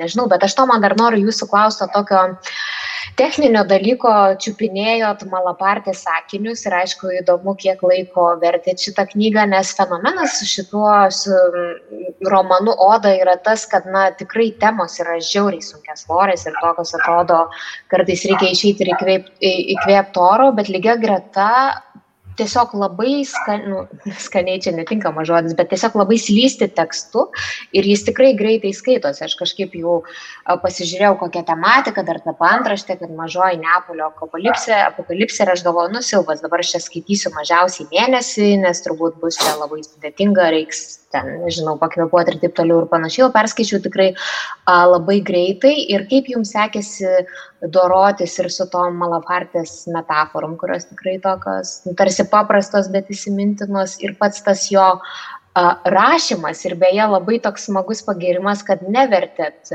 intarpų, kurie yra anglų kalba, kad palikot taip turbūt kaip malapartė ir yra parašęs, ar ne?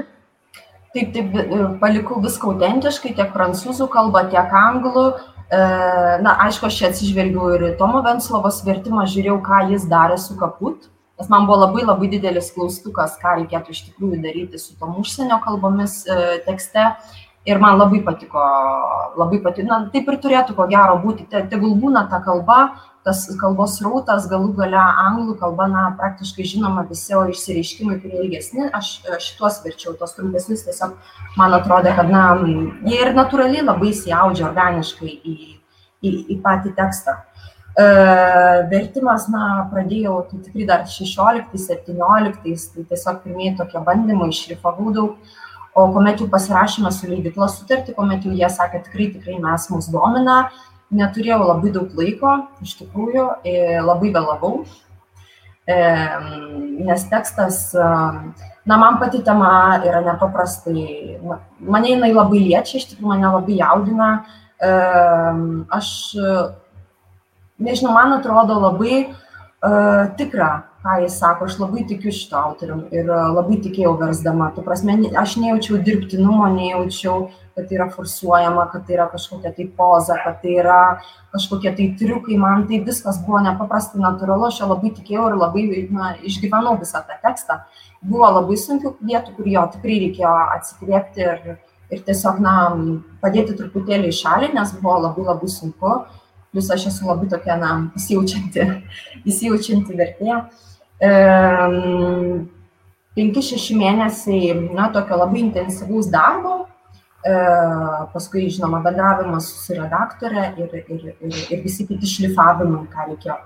Tai, e, nežinau, iš tikrųjų kažkaip tas rautas, na, jis toks buvo labai, jis mane labai traukė, tikrai nebuvo, nebuvo, buvo ir sunku, ir kita vertus ir nesunku. Galbūt sunkiausias iš tikrųjų yra tos tokios e, aprašymo scenos, kur visos tos spalvos, reikia tą labai gerai perteikti, ar ten e, vilų sienos, kur mes aprašo, ten trukinėjantis tinkas, atspindžiai vakaro jūros ir taip toliau. Visi šitie dalykai gal prie to reikėjo truputėlį daugiau padaryti, kad iš tikrųjų labai sklandžiai ir kad tai būtų labai labai organiška ir, ir kad tai visiškai neslėptų. Nes originale tai neslėgia, or, originale tu ir, ir skaitai kaip srauta šitą knygą. Tai labai norėjosi, kad, aišku, ir vertimas, kad, kad, kad atkartotų. Ir plus labai padeda, na, dialogai, nes dialogai yra fantastiški. Jie tokie kaip ping-pongai. Beje, vat, prisiminiau, skaitant visą laiką, Tomą, jums turėjau paraštyti tokį klausimą. Uh, ar tie visi aristokratai, kurie veikia, ten buvo tokia fantastiška personažė, kuri visą karą prabuvo prie Komo ežero ir darė vakarėlius įprastą manierą tarp prieš karinę ir, žodžiu, karas iš vis nebuvo galimas minimas. Aš bandžiau, aišku, googlim tam tikras pavardės ir aišku, kad man nieko nepasisekė. Tai aš kaip suprantu, prototipai tų visų veikėjų, jie yra pakankamai tikri, nes man ten įdomiausias buvo turbūt tas kolekcionierius, kur turėjo fantastišką knygą knygų kolekciją ir aš vis bandžiau suprasti, kas jis toks yra, tai nepasisekė. Bet čia turbūt Malapartė jau sąmoningai šifravo šitas pavardis, ar ne? Taip, jis truputėlį maskavo, bet prototipai jie tikrai yra ir, na, tai yra realijos, visą tai, ką jis pasako, tai yra realu visas aristokratijos pasaulis, e, Neapolio aristokratija, kurią ten visi bėdžiai bėga ieškoti prieglopščio pas, pas į dvarą pas poną ir taip toliau. Visa tai yra realūs dalykai. Ir aš paskui truputėlį ieškojau ir, ir skaičiau, kaip ir kas ten tos visos giminės, giminių tos istorijos. Na, visa tai yra kaip ir kaput, tai yra neįtikėtina, bet labai daug scenų iš tikrųjų tai yra realūs, tai yra realūs faktai ir realūs žmonės. Dar kalbant apie šią knygą, man e, įstrigo tai, kaip jisai vaizduoja tą patį smurtą. Netgi galima čia būtų kalbėti apie smurto estetiką, ir galbūt netgi susišaukia su Bodleru ar dar su kitais, kaip, na, tarkime, kaip galima bjaurume, kaip galima kažkur dugne išvelgti kažkokį grožį, jeigu taip galime pavadinti. Tokios prieštaros. Tai man atrodo, Malapartė šitą irgi poveikį savo kūrinių perteikė, ar ne? Taip ir, na, jis iš tikrųjų turi labai labai svarbu atraminį tekstą, kuris yra Dantės dieviškoji komedija ir Dantės dieviškoji komedija jinai sugrįžta įvairiausiuose epizoduose.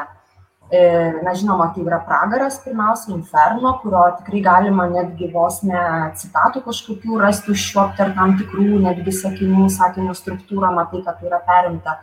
Ir yra truputėlį, na, skaistyklos dar elementų, bet daugiausiai viškai tai yra inferno. Galų galia tas pats liepsnojantis Dito miestas, kurį Dantė prašo 9 ar 10 gesmėje tai yra Neapolis. E, Malapartė iš tikrųjų atkartoja e, tam tikras scenas, tarkim, yra scena Hamburgo miesto bombardavimas sąjungininkų fosforinėmis bombomis, kuomet užsiliepsnoja kūnai ir tu niekaip negali užgesinti tos ugnies. Tai vėlgi yra tam tikros, na tai yra karo realija, bet tai labai susišaukia ir su Dantės uh, E, pasmerktųjų sielų kalinimo, kankinimo įvairiausiais būdais. Tai yra įkaitinti karstai, e, žmonės virtę medžiais, pragrena visos tos scenos. Jos, jas labai jūs ir ta kalba, na, Dantė iš tikrųjų sukūrė tą bjaurumo, žiaurumo estetiką. Mm, tai nėra pra, e, Dantės, pavyzdžiui, pragas, pragaras nėra vien tik kažkokios smurto scenų, kraupų dalykų aprašymas, bet tarp tų scenų yra labai daug šviesos, yra labai daug, nežinau, ir, ir tikėjimo, ir to krikščioniškos, galų galia ta krikščioniška pasaulėvoka, na, labai susišaukė su Dantės viduramžiško e, pajauta krikščionybės. Tai man šitie du autoriai, aš odoje labai daug mačiau inferno elementų ir scenų, ir epizodų. Tai kažkaip man atrodo, jis iš tikrųjų atsiriamė į šitą dievišką komediją. Ir beje, norėjau klausti, e, pasakėte apie palyginimus su kitais autoriais, tai aš norėjau e, klausti apie būtent to laikotarpio aprašymus, nes man teko skaityti, nežinau, ar jums irgi teko, Norman Lewis apie 44 metų Neapolį irgi parašytą knygą. E, irgi atrodo laikotarpis tas pats, tačiau skaitant abu šios kūrinius, na, matome tarsi panašumų, žinoma, yra ir, ir, ir, ir rašyta iš panašios perspektyvos, tačiau visgi skiriasi šitie du miestai, nes, pavyzdžiui, Norman Lewis miestas atrodo, na, daugiau šviesos turintis negu kad pas, pas tą patį Malapartę. Ar, galima, ar galėtumėte irgi palyginti, tarkime, su kitais kūriniais, būtent apie tą laikotarpį aprašytais? Taip, iš tikrųjų, aš irgi jau skaityti šitą kūrinį, nes norėjau pamatyti, kaip Neapolį lygiai to paties periodo, tų pačių realių Neapolį vaizduoja kiti autoriai. Uh, tai yra dar viena italų rašytoja Marija Ortezė, kuri 53-aisiais parašė knygą uh, Jūra neskalauja Neapolio, į Marinio Banė Napolį. E, kuri taip pat mūsų gražina į karo laikotarpį, į na, tą visą skurdo tematiką, į skurdo pasaulį. Ir beje, šitą rašytoją taip pat paskui buvo nepageidaujama Neapolyje, daugiau į jį nebesugrįžo, tai toks vos neprakeikimas iš tikrųjų kalbėti apie, apie šitą miestą, kalbėti kažkaip iš tų tokių, na, e, humanistinės, bet vis, visiško atvirumo laikysenos, bet tu esi nepriimamas galų gale paskui šiame mieste. Tai šitą rašytoją taip pat paskui turėjo labai konfliktišką santykį su miestu. E, joje irgi taip pat šviesos yra daugiau ir e, na, jinai mato, mato ir kažkokius tai ir, ir gėrio epizodus fiksuoja, ir žmogiško, bendražmogiško, toks solidarumo momentų daugiau fiksuoja. Na, o Malapartina gal, nežinau, gal jis iš tikrųjų norėjo tiesiog nusileisti į patį tą dugną ir užfiksuoti tai, ko iš tikrųjų na, virsta miestas e, tokiamis sąlygomis. Beje, e, dar norėčiau truputėlį gal sugrįžti, ką kalbėjo Ratė, apie, apie tai, kad Malapartė viso romano metu sako, nesu nužudęs karo metu ne vieno žmogaus ir jam tai tarsi labai svarbus yra momentas ir galų galiai jisai prieina tą tašką, kai sako, na aš viskas, aš turiu nušauti talą, aš prieėjau tą ribą, kur aš tikrai virstu, na, žmogžudžiu. Vadinasi, Maras pagaliau palėtė ir mane. Aš tarsi turėjau kažkokį imunitetą iki šio laiko, laikiausi tam tikros distancijos atstumo, o dabar viskas, aš jau esu iškrestas ir aš neišvengiamai tapsiu žmogžudžiu. Ir tai yra labai svarbus taip pat lūžio momentas ir e, fiksuojantis beje tai, apie ką tik vėliau e, istoriografija pradėjo kalbėti, kad Italijoje vyko pilietinis karas, pats tikrų tikriausias pilietinis karas ir na visos europos kontekste turbūt mes galėtume kalbėti kad na tai buvo savotiškas pilietinis karas lenkai prieš lenkus rumunai prieš rumunus ir italai prieš italus bet tai tik gerokai vėliau šita tematika pateko į grožinę literatūrą ir taip pat ir istoriografinę istoriografinę literatūrą. O malapartija tas jau labai stipriai yra ir tai išgyvenama ant savo odos, ant savo kailio. Aš dar noriu Tomas klausti, bet įdomu, nes jūs jau užsiminėt, kad ir labai mm, domitės ir šio laikinė ir, ir puikiai išmanot italų literatūrą, tai taip mes čia kalbėjom, kas įkvėpė Malapartę, ar ne, kad Dantė ir tikrai turbūt Malapartė nusileido į patį uh, turbūt žmogiškumo dugną, nes reikia pasakyti, kad paskutinis romano sakinys yra toks labai įsimintinas, aš jį čia ir galiu pacituoti, kad karą laimėti gėdinga tyliai pasakiau ir taškas, ir prieš tai svarstymai, kas yra žmogus, ar ne, kad žmogus tai kažkas baisaus.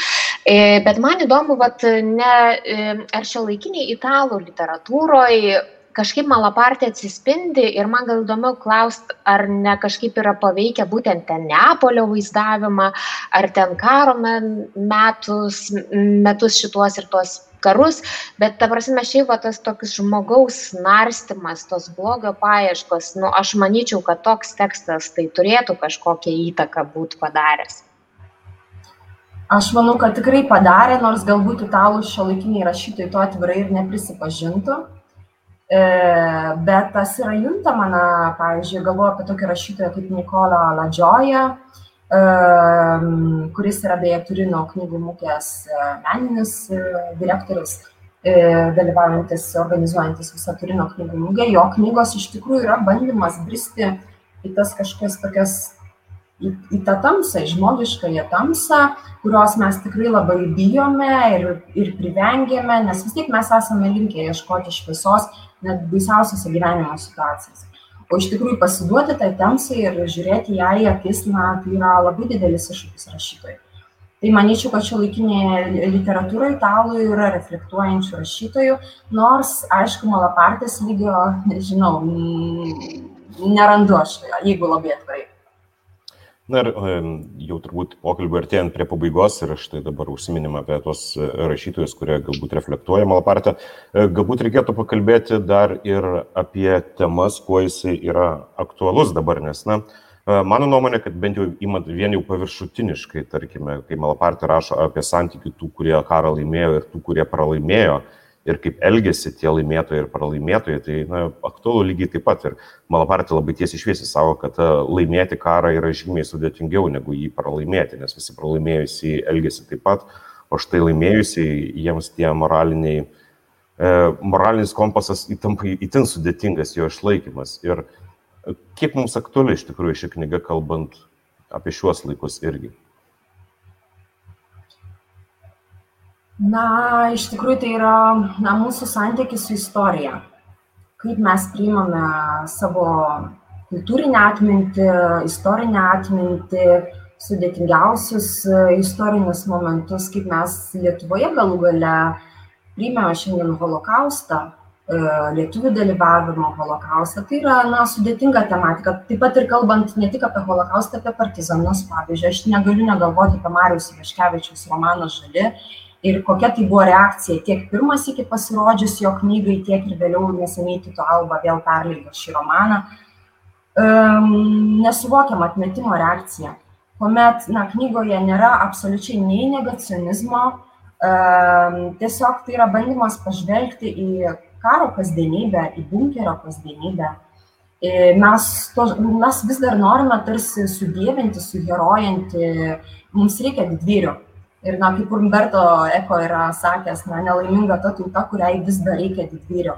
Turėtumėm iš tikrųjų mokėti kalbėti ramiai, galbūt mm, mūsų santykis turėtų būti truputėlį ramesnis su mūsų istorija, iš tikrųjų ne, o dabar kažkoks tai kibirkštis nuolat žaižaroja, mums iš tikrųjų nepaprastai sunku yra e, vystyti tą istorinį naratyvą ir grožinė literatūra, manau, Lietuvoje yra nepaprastai sudėtinga bristi šitas temas ir e, kalbėti apie tą patį holokaustą, mes turime nepaprastai mažai knygų apie holokausto atmintį. Mes verčiame daug iš tikrųjų yra daug geros verstinės literatūros, bet pavyzdžiui, aš tikrai labai pasigendu, norėčiau gero tokio, e, na kaip yra, na galbūt ne, nelyginsiu su Litelio šito romanu Benevolį, The Kind, Kindless, nežinau kaip lietuvių kalba būtų išversti apie holokausto kopėją tūkstančio puslapių e, Jonatano Litelio romanas bet aš labai norėčiau tokios knygos e, lietuvių autorių perskaityti. Norėčiau, kad jinai būtų, kad mes galėtume apie tai kalbėti e, gana ramiai, be jokių patriotinių kažkokių tai, mm, nežinau, aistrų, be, be, be tos retorikos, nes retorika jinai nepaprastai kenkia literatūrai. Taip, tai... Bet čia turbūt dar bus daug e, problemų, nes yra viena iš versijų, kur uh, Kadangi mes vis dar, ką Malapartė puikiai rodo, mes vis dar gyvenam ideologijų apsuptyje, šalia turime tikrai grėsmę keliančius kaimynus ir tam tikrą prasme galbūt antrasis pasaulinis karas yra net ir nepasibaigęs ir mes dabar esam perėję ir į kažkokį hybridinį karą. Tai taip čia sudėtingai, o aš labai pritariu Tomai dėl to, kad iš tikrųjų tekstų apie holokaustą žiūrint šio laikinę lietuvių literatūrą, aš turbūt pirmiausia minėčiau tai tik du. Tai yra Sigito Parulskio romanas Tamsa ir partneriai ir e, Daivos Čiapauskaitės pjesė darbinių pavadinimų duobė. Tai turbūt na, tokie du ryškiausi, visi kiti jie tik tai kažkaip čiut užčiuopia kažką ir, ir taip nutrūksta tikrai kalbų, nes ir pas mus irgi stribai buvo, nebūtinai tik rusai stribų pusiai buvo ir lietuviai, bet, bet va čia kita vertus, kuo yra, suveskim viską į kurcio malapartę, kad jis irgi išsloksniuoja ir tą parodo, kaip karo metu viskas tarsi užaštrėja, bet vis tiek juoda nėra tik tai šimtų procentų juoda ar balta, tik tai balta ir va tie visi tokie niuansavimai ir visi tie spalvų pokyčiai, jie tokie tikrai irgi labai groja, svarbu grojimą kažkokį. Taip ir galų gal yra tas žmogiškas gailestis, kurį Malapartė romane parodo netgi tam pačiam Musoliniui. E, viena iš paskutinių scenų, kuris tam savo draugo gynekologo namuose, kur visi sudėlioti tie gemalai ir jis apimtas karštlygės, e, tarsi mato tą tokią viziją, kur tie gemalai E, sustoja į teismą ir vyksta kažkoks žmogiškas teismas vienam iš tų gemalų. Ir na, tai akivaizdu, kad tai yra kalbama apie dučią, kad tai yra savotiškas žmogiškas teismas bendražygių, praeities bendražygių, nes jie visgi buvo ir bičiuliai ir dalyjosi tą pačią ideologiją. Bet vis tiek tas, ta žmogiška tokia empatija, užuojauta, ji vis tiek išlieka ir galbūt tai yra raktas, na, kad tai galbūt mums gali šiek tiek padėti susitaikyti su savo istorija, susitaikyti su tais nemaloniais dalykais, kurie, na, neišvengiamai yra mūsų tapatybės, mūsų kolektyvinės atminties dalis ir na tiesiog uh, priimti tai kaip, kaip, kaip, kaip viso to testinumo dalį. Tai malapartija, manau, tas labai stipru ir ta žmogiška užuojauta, ta žmogiška empatija e, tiek priešui, tiek ne priešui, tiek, tiek savo pačiam, na, jinai yra labai svarbi. Aš dar prisiminiau vieną dalyką, to mane paklausiu. Iš tikrųjų, Oda pilnu leidimu angliškai, nes aš kaip suprantu, buvo kažkoks vertimas cenzuruotas ar kažkas, jinai pasirodė 2013 metais, tai čia yra labai neseniai. Ir va ar tas angliškas vertimas, jisai dabar iššaukia kažkokių reakcijų, nežinau, tarp italų intelektualų ar paprastų skaitytojų, buvo kažkokia refleksija ar ne? Ne, apie anglišką vertimą iš tikrųjų ne, neužfiksavau, ne, nepastebėjau, kad būtų, bet dabar uh, Malapartė perleidžia Adelkį leidėjas, pagrindinis jo, na, jie yra išleidę įvairiausių italų leidėjų ir Mondadori, ir, ir Inaudė, neklystu, o šiuo metu jį perleidinėja visą jo, visą jo operą, maniją, sakykime taip, perleidinėja Adelkį leidėjas. Tai šiuo metu yra išleisti apsakymai, turi dar pasirodyti trečioji šitos trilogijos dalis, nes tai yra sugalvota kaip trilogija, kaput, oda ir mama Marčia, kurią, nežinau, galbūt galėtume išversti kaip sukūrusi motina, kažkas tai tokio. Vėlgi kalba eina apie Europą ir apie tai, kas mes esame, esame Europoje. Tai e, pasitinkamas šiuo metu, jis gerai perkamas, skaitomas ir, ir visa kita, bet, na, tas santykis jis vis tiek liks sudėtingas ir čia ko gero to nepakeisi. Ir iš tikrųjų džiugu, kad ir lietuvių kalba pagaliau pasirodė Oda. Na ir kaip jau minėjome ir pokalbio pradžioje, kad e, tikrai e, gerai, kad bus perleistas ir, ir, ir jo romanas Kaput, kuris lietuvių kalba buvo išleistas jau labai seniai. Ir tikrai žinau nemažai žmonių, kurie perskaitė būtent Odą. Jie tik tai tada sužinojo, kad e, Kaput buvo išleistas visgi lietuvių kalba ir ėjo ten įvairias senų knygų platformas iškoti tos knygos. Tai vėlgi, yra iš tikrųjų smagu, kad šitas rašytojas yra prisiminamas ir iš naujo atrandamas. Na ir kaip šio pokalbio metu mes išsiaiškinome, kad iš tikrųjų galima labai daug atspalvių, labai daug temų atrasti šioje knygoje. Na ir apibendrinant galima pasakyti, kad na, tai iš tikrųjų labai gera, labai didi literatūra, galima būtų taip pasakyti. Ir tikrai puikus romanas. Na ir tiek. Tai turbūt... Aš tikiuosi, kad Toma, gal dar atsiprašau, trečią dalį išvers, nes beje, aš savaitgalį bandžiau paieškoti kaput bibliotekose Vilniuje ir aš turiu pasakyti, kad buvo visos paimtos skaityti. Nu, ten tų egzempliorių nėra daug, po vieną, du, bet čia akivaizdžiai veikia odos, odos išleidimo faktas, kad žmonės grįžta prie Venslovos berots 67 metų to leidimo. Jo, Toma, apie trečią dalį. Aš labai džiaugiuosi, kad iš tikrųjų sugrįž kaput, nes tikrai labai reikia. Ir tai yra nepaprastai stiprus romanas, man ta visa technologijų tematika, kuri, na, odoje truputėlį tik jos lieka, o jin labai labai stipri yra kaput romane, kaip technologija įtakoja karą mūsų gyvenimą. E, aišku, aš norėčiau taip pat išversti trečią dalį, na, norėčiau daug, iš tikrųjų, Malapartės, na, jis yra vertingas autorius, jis mums labai daug ką gali padovanoti iš žmogiškosios pusės na, tiek ir iš grožinės literatūros, nes tai yra labai stipri gera literatūra, kurią yra didžiulis malonumas skaityti, didžiulis malonumas versti. Na, iš tikrųjų, man tai buvo kažkoks svajonės išsipildymas, tikrai vienas geriausių dalykų, ką esu vertusi savo gyvenimu ir nepaprastai branginu. Tai, na, žiūrėsim, iš tikrųjų labai džiaugiuosi, kad grįžta kaput ir džiaugiuosi, kad žmonės skaito, kad, kad, kad atranda šį autorių. Ir kad jam atleidžia jis, nes, na, labai paprasta yra nurašyti autorių, pasakyti, va, jis ten buvo toks, jis buvo komunistas, todėl jo nepaskaitykime, jis buvo noks. Na, iš tikrųjų reikia turbūt žiūrėti daug, daug plačiau ir matyti kontekstą, matyti, koks tai buvo laikmetis, kaip žmonės gyveno tą laikmetį. Na, jis iš man Malapartė lieka vis tiek didysis idealistas, romantikas ir svajojas apie revoliuciją, apie tą gerąją revoliuciją. Bet ir turbūt reikia matyti teksto kokybę, nes vis tiek Malapartė yra geras rašytojas. Be abejo. Taip, tai kągi, tai tikrai pavydu tiems žmonėms, kurie tik dabar atsivers malapartį, tačiau geriau vėliau negu niekada. Ir tikrai labai dėkui Tomai Gudelytėjai, kuri dalyvavo šitoje laidoje ir kuri mums papasakojo daugiau apie šį rašytoją ir apie šios knygos vertimą. Na ir kągi, kaip visuomet, buvome su jumis be Tomos, laidos vedėjai, aš Audrius Ožalas. Ir aš Juratė Čerškutė.